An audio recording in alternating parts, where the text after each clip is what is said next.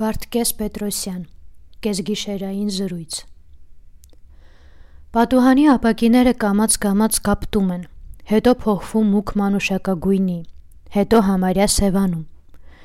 Հյուրանոցի իմ համարը շատ բարձր է, 16-րդ հարկում, քաղաքի լույսերը համարյա չեն զգացվում։ Այսպես լավ է։ Մենք կարոտում ենք հազար ու մի բանի, բայց մտածել ենք, որ ամենից շատ կարոտում ենք ինքներս մեզ եւ ինչ հազվագյուտ մետաղ է դարձել մենակությունը։ Մանավանդ հերու անծանոթ քաղաքում, երբ չկան ընկերներ, ազգականներ, բարեկամներ, թշնամիներ, լավ է փակվել հյուրանոցիդ համարում, նայել պատուհանից դուրս։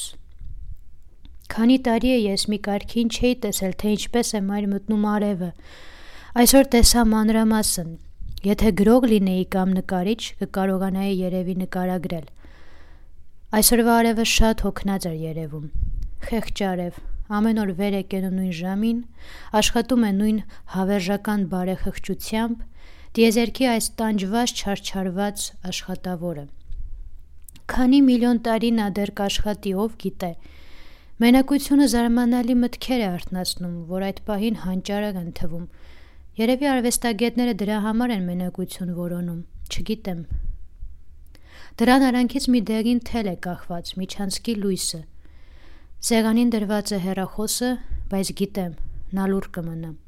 Եթե մեկն ու մեկը նյարդային մի մոսկվացի սխալ համար չհավաքի։ Կամ գուցե վահեն ինչ որ մեկին արդեն հասցրել է տալ մեր հերախոսի համարը։ Ոչինչ, կվերցնեմ խոսափողը։ Վահեն տանը չէ։ Երբ կգա։ Գնաց գրադարան պարապելու։ Դուրը ծեծում են։ Ով կլինի, դե իհարկե մատուցողն է, արագ վառում եմ լույսը, մենակությունս ցնդում է, ծխախոտի ծխի պես սենյակում կենթանանում են իրերը, նկարները։ Խնդրեմ, համեցեք։ Մատուցողը նախ ներս է հրում ձեռնասայլակը, որ բեռնված է շշերով, ափսեներով, հետո ինքն է մտնում շուրջը նայելով։ Միջին տարիքի կին է, բաց գույնի ներկած մազերով։ Սեղանի վրայից նա հավաքում մի կողմ է դնում ավելորդ առարկաները՝ իմ պայուսակը, Վահեի արևի ակնոցը, մոխրամանը, դրանց փոխարեն շարելով իր բերած շշերը, ափսեները։ Ես հետևում եմ նրա ձեռքերին, արագ, սովոր շարժումներով նա անում է իր գործը եւ միայն վերջացնելուց հետո հարցնում. Ուշանում է։ Ես սկզբում հարցը չեմ հասկանում։ Դուք երկու հոգու համար եք պատվիրել, չէ՞։ Այո, իհարկե, ի վերջո հասկանում եմ ես։ Ուրեմն ուշանում է։ Այո, շատ է ուշանում։ Չգիտեմ, կգա։ Կգա, տխուր ժպտում է կինը։ Եթե խոստացել է, կգա։ Խոստացել է, ասում եմ ես, խոստացել է։ Դուք ինձ հետ չեք խմի մի բաժակ։ Շնորհակալ եմ, ասում է կինը։ Ես աշխատանքի մեջ եմ, չի կարելի։ Շնորհակալ եմ։ Երբ վերջացնեք, զանգահարեք ռեստորան նույն համարով։ Հարցրեք Շուրային, ես կգամ կհավաքեմ։ Հաճելի երեկո եմ ցանկանում։ Շնորհակալ եմ։ Կինը գնում է։ Ես նորից հանգցնում եմ լույսը, ծխախոտ եմ վառում։ Սիգարետի մի կետ կրակը ահագին լույս է տալիս մութի մեջ, կենթանություն է բերում։ Ես բաժակները լցնում եմ կարմիր գինով։ Մութի մեջ գույնը չի երևում, բայց ես պատվիրել եմ կարմիր գինի, երևի կարմիր է։ Ես իմ բաժակը խփում եմ սեղանի մյուս ծայրին դրված բաժակին եւ մդության մեջ լսում եմ սեփական ձայնս։ Քո կենացը, հայրիկ։ Այսօր հորս ծննդյան օրն է։ Այսօր նա 75 տարեկան պիտի դառնար, իսկ 34 տարի է չկա։ Մի քանի շաբաթ առաջ լրացավ իմ 41-ը, ուրեմն հորս հետ արդեն հավասարվեցի։ Նույնիսկ կարող եմ ասել, որ 2-3 շաբաթով մեծ եմ իմ հորից։ Դե ինչ, կարող ենք հասակակից ընկերների պես նստել, խոսել, խմել իրար հետ որքան որ հնարավոր էր ես հորս սիրած կերակուրները պատվիրեցի։ Դրանք այդպես էլ կմնան սեղանին, ու երբ որ բարի եւ միամիտ շուրան կգա այդ ամենը հավաքելու, տխուր կզարմանա, չեկավ։ Ես հորս էի սպասում շուրա, քո կենացը, հայրիկ։ Մեր բաժակները զնգում են, ես կում-կում խմում եմ նախ իմ գինին, հետո հորս։ Լավ գինի է, սառը։ Հետո նորից լցնում եմ մեր բաժակները։ Չգիտեմ որտեղ եմ կարդացել, թե մարդը իր մահից հետո շարունակում է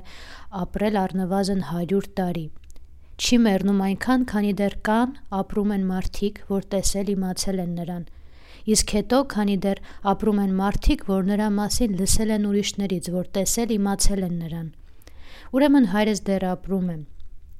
Կամպրի նաև իզնից հետո, որովհետև ես որդուր շատ եմ պատմել հորս մասին։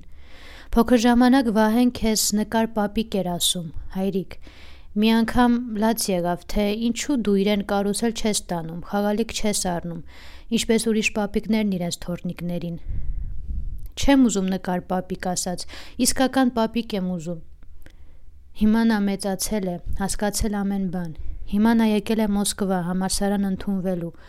Ասում են դա քո երազն է եղել, որ ես համալսարան ավարտեմ եւ անպայման Մոսկվայի համալսարանը։ Չեղավ։ Դու չհասրիր տեսնել նույնիսկ թե ես ինչպես եմ գրում ատարը։ Խմենք հայրիկ, քո կենացը։ Ես հիշում եմ, թե յուղի մեր բակում դու ինչպես էիր տրորում խաղողը, հյութ էր դառնում, հետո լցվում կարասները, դառնում գինի։ Մենք գինուն հայրիկի ոտի ջուր էինք ասում, հիշում ես։ Ես այսօրվա պես հիշում եմ։ Դու շատ զգուշորեն էիր տրորում խաղողը, կարծես ափսոսանքով, անբացատրելի մի տխրությամբ, բայց երևի խաղողի կյանքը շարունակվել կարող է միայն իբրև գինի, ուրեմն պետք է տրորվի։ Չէ, հայրիկ, ես գրող չդարձա, ճարտարապետ եմ, շենքեր եմ նախագծում, բարձր շենքեր։ Մարկած մոտեցնում եմ երկնքին, թեպետ երբեմն հենց սրանով է, որ նրանք հեռանում են երկնքից, որովհետև երկնքին մոտ լինելու համար պետք է մոտ լինել հողին։ Կտրվում ենք հողից, հայրիկ։ Դու ինչպես հասկացար դա դեռ այն ժամանակ եւ ամուր մնացիր քո հողին կպած։ Մեր տանը դեռ ապրում են քո կարդացած գրքերը։ Քո ստացած կրթությամբ, քո կարդացած գրքերով դու կարող էիր ուսուցիչ, փաստաբան, նույնիսկ գրող դառնալ։ Իսկ դու վերադարձար գյուղ եւ ձորի գլխին վերականգնեցիր հորդ փլված տունը։ Իսկ քո ծառերն ապրում են։ Ծառերը չեն նորոգում, չեն ներկում ուրիշ գույնով։ Շատ-շատ փտում են հին չորացած ճյուղերը, իսկ նոր ճյուղերը կրկնում են հինը։ Ծառերն ավելի հավատարիմ են իրենց բնությանը, քան մարդիկ։ Քո կենացը, հայրիկ։ Գինին տխրություն եւ հուշեր է արտնասնում իմ մեջ իսկ քո թորը իմ որդին ուզում է գրող դառնալ։ Չգիտեմ կդառնա։ Նա պիտի նախ ավարտած լիներ ծառերի քարերի համասարանը, հետո նոր Մոսկվա գար։ Նա գրքեր է կարդացել, նա կարող է տեղը տեղի նկարագրել քաղաք, բնություն, սեր, ատելություն, բայց չգիտեմ նա գրող կդառնա։ Դու չհասցրիր տեսնել, թե ես ինչպես եմ գրում ատառը։ Իսկ ես, ահա, Որդուս հետ եկել, հասել եմ այստեղ, որ նա մենակ ու անպաշտպան չզգա իրեն։ Այդպես գրող դառնում են։ Այդպես որևէ բան դառնում են, հայրիկ։ Ծառը ինքը պիտի կարողանա դիմանալ ապրել, կրվել քամու դեմ, ծարավի դեմ, ворթերի դեմ, որ կրծում են նրա ատամները։ Ծառը ինքը։ Իմ ворթին անզոր է ու գրագետ։ Չգիտեմ, նա ծառ կդառնա, Դու շատ շուտ գնացիր, հայրիկ։ Ես նույնիսկ չհասկացա, որ դու գնում ես։ 6 տարին կարճ ճանապարհ էր մահը հասկանալու համար։ Ինչու այդքան շտապեցիր, հայրիկ։ Ինչպես եմ նախանձում այն worth-իներին, որոնք սեփական ձեռքով են թաղում իրենց հայրերին, հասկանալով, որ հայրերը գնում են ու յետ չեն դառնալու երբեք։ Նրանք կարողանում են կուլ տալ իրենց վիշտը, 1-2 ժամ անց հավաքում ընկերներին, ազգականներին ու որոշում ինչ անել։ Ներիր հայրիկ, որ տխուր բաներ եմ մտաբերում։ Դու հիմա մորիցս երիտասարդ ես 40 տարով։ Մորս եթե հիմա տեսնես, չես ճանաչի։ Մայրս ասում է, որ ես քեզ շատ եմ նման։ Քո նկարներն էլ երբ նայում եմ, ինձ թվում է նման եմ։ Ծիծաղելի մի բան ասեմ։ Ես էլ քո նման եփածող չեմ ուտում։ Զարմանալի բան է, չէ՞, մարդը, որտեղից է անցել, մնացել քո այդ գիծն իմ մեջ։ Ես նաև վախենում եմ մարդկային ստորությունից, գլուխս կորցնում եմ։ Իսկական հայրդ ես դժգոհում է մայրս։ Վախկոտ, բամբակի պես փափուկ մարդ էր, ով ուզեր կտրորեր։ Ինչ անեմ, հայրիկ, քար դնեմ բամբակի մեջ։ Մեծ եղբայրս պատմում են մի անգամ երես առ երես ստորության է հանդիպել, եկել պատմել է քեզ, խորուրդ հարցրել, ինչ անել, ինչպես կռվել։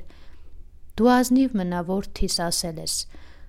Ստորների հենց ուզածն է, որ դու կռվես, ուրեմն եւ հավասարվես իրենց, եւ ուրեմն մեկով պակասի ազնիվ մարդկանց թիվը։ Ոնց պիտի կրվես ստորության հետ։ Ստորությամբ դու ազնիվ մնա որդիս։ Այդ բարերն ես ասել։ Չգիտեմ, երբ նայում եմ նկարի քո աչքերին, հավատում եմ, որ հենց այդ բարերն ես ասել։ Քո աչքերը ամբողջ կյանքում նայել են միայն երկնքի, հողի, խաղողի ու վշտի են նայել։ Վախեցել են, ոչ չեն ուզել նայել ստորության։ Այդպես կարելի է ապրել հայրիկ։ Այդպես ես կարող եմ խորհուրդ տալ որդուս, եթե մի օր նա երեսար երես հանդիպի ստորության։ Չգիտեմ։ Ես քեզ հետ խոսում եմ քո տնից շատ հեռու մի քաղաքում, հյուրանոցի իմ սենյակի մութ լուրության մեջ, եւ գինին վերջանում է։ Դու անեանում ես կամած-կամած, զուլվում ես ծխին եւ լույսին, դուրս ես գալիս լուսամուտից, դռնից։ Կաց հայրիկ, ես հայր եմ միայն իմ որդու համար, որ քիչ հետո կգա անհոգ ու զրնգուն։ Նրա համար է որ պիտի մնամ ուժեղ եւ ամուր, իսկ հիմա ուզում եմ թույլ եւ անպաշտպան լինել, որովհետեւ worth-ի եմ։ Թեկուզ եւ այսօր հավասարվեց մեր տարիքը։ Քո կենացը, հայրիկ։ Դու ուզում ես գնալ, իսկ ես դեռ չեմ ասել ամենագլխավորը, ախր ես քեզանից ուզում եմ խորուրդ հարցնել։ Իսկապես, ինչու են քանդվում մարդկանց իրար կապող կամուրջները թույլ գրողի բարեր եմ գտնում, չէ՞։ Քո բարերն ուրիշ էին, դու երբեք չէիր նվնվում, թեպետ ավելի բարի էիր ու փխրուն, եւ քեզ երևի ավելի շատ են տրորել։ Քո ոտքերը հողի մեջ էին, ինչպես խաղողի արմատները, իսկ նրանք ճյուղերն էին ճկում ջարդում։ Որտեղ են մեր արմատները։ Մենք տնային բույս ենք դարել, որ ապրում է մի աման հողի մեջ եւ սնվում է մի կում ջրով, ու դրա համար մեզ հեշտ է արմատահան անել։ Չէ, հայրիկ, մի կնճռոտիր ճակատդ։ Ամեն բան լավ է իմ կյանքում, աշխատանք, ընտանիք։ Այտես թորդ եկել է Մոսկվա, համասարան ընդունվելու։ Երևի կընդունվի, կդառնա ինչ ուզում է։ Կնոջս հետ ամեն ինչ կարքին է, հաշտ ենք ապրում։ Հետաքրքիր է, եթե մի հրաշքով մենք այսօր նկարվեինք իրար հետ, նույն տարիքի ենք, չէ՞, իրար նման կլինեինք։ Չէ, գինին անում է իր գործը, իսկ ես չեմ ուզում, որ դու գնաս ես դեռ քեզ չեմ ասել ամենակարևորը։ Մի շաբաթ առաջ ես նստել էի մեր գյուղի հին կամրջին եւ ուրիշ կամուրջ էի տեսնում, որ քանդվեց։ Դու հասկանում ես, ներիր, որ այդ հիմար համեմատությունը մտել է գլուխս։ Պարզապես իմ ընկերներից մեկը վերջերս ստորություն արեց եւ քանդվեց մեզ իրար կապող կամուրջը։ Նա այդ կամուրջը պայթեցնելուց առաջ երևի չնայեց անգամ, թե ինչ է պայթեցնում։ Իսկ նայել հարկավոր էր,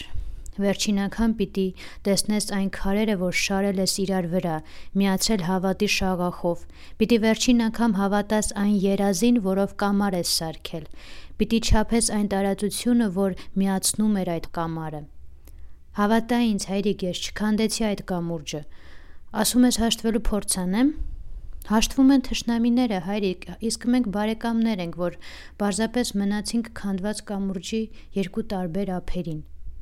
Մեր արանքում մնաց պղտոր մի գետ, եւ մենք հիմա իրար կարող ենք նայել միայն հեռվից։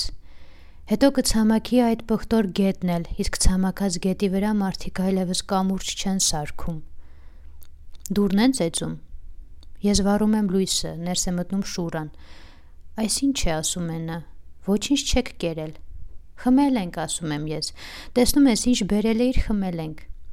Կինը նայում է իմ բաժակին, հորս բաժակին եւ գլուխն օրորում է, ոչինչ չհասկանալով։ Ես երկու շիշ գինի վերցրի, ասում է։ Մտածեցի գուցե պետք լինի։ Հիանալի է սարել շուրը։ Նա արագ հավաքում է ուտելիքը, ես վճարում եմ ու հետո մնում եմ մենակ։ Լույսը չեմ հանգցնում։ Գլխիս մեջ կարծես հալած արճիճ են լցրել։ Պատերն օրորվում են ինչպես հորս տնկած ծառերը քամու ժամանակ։ Սիրտս հանգիստ է ու հաշտված։ Դե իհարկե Վահեն է։ Նա ներս է մտնում առանց դուռը ծեծելու, միայն միջանցքից ձայն է տալիս։ Կարելի է, հայրիկ։ Կարելի է, ասում եմ։ Նրա հետ շեկլիկ մի աղջիկ կա, որն իսկույն ներկայանում է։ Մարիաննա, Վահեի հետ միասին ենք քնություն հանձնելու։ Վահեն նայում նայում է գին ու դատարկ շշերին, հետո աչքով է անում Մարիաննային։ Կարքին զվարճացել է հայրիկս։ Ում հետ։ Պապիդ հետ, ասում եմ։ Այսօր նրա ծննդյան օրն էր, քիչ առաջ գնաց։ Ո՞վ։ Պապդ Վահե։ Վահեն ժպտում է ներողամիտ ու զարմացած։ Որ worth-ին է հասկանում հորը եւ ինչու պիտի հասկանա։ Հայրերն է որ պիտի հասկանան worth-իներին։ Դա նրանց պատիժն է եւ երջանկությունը միաժամանակ։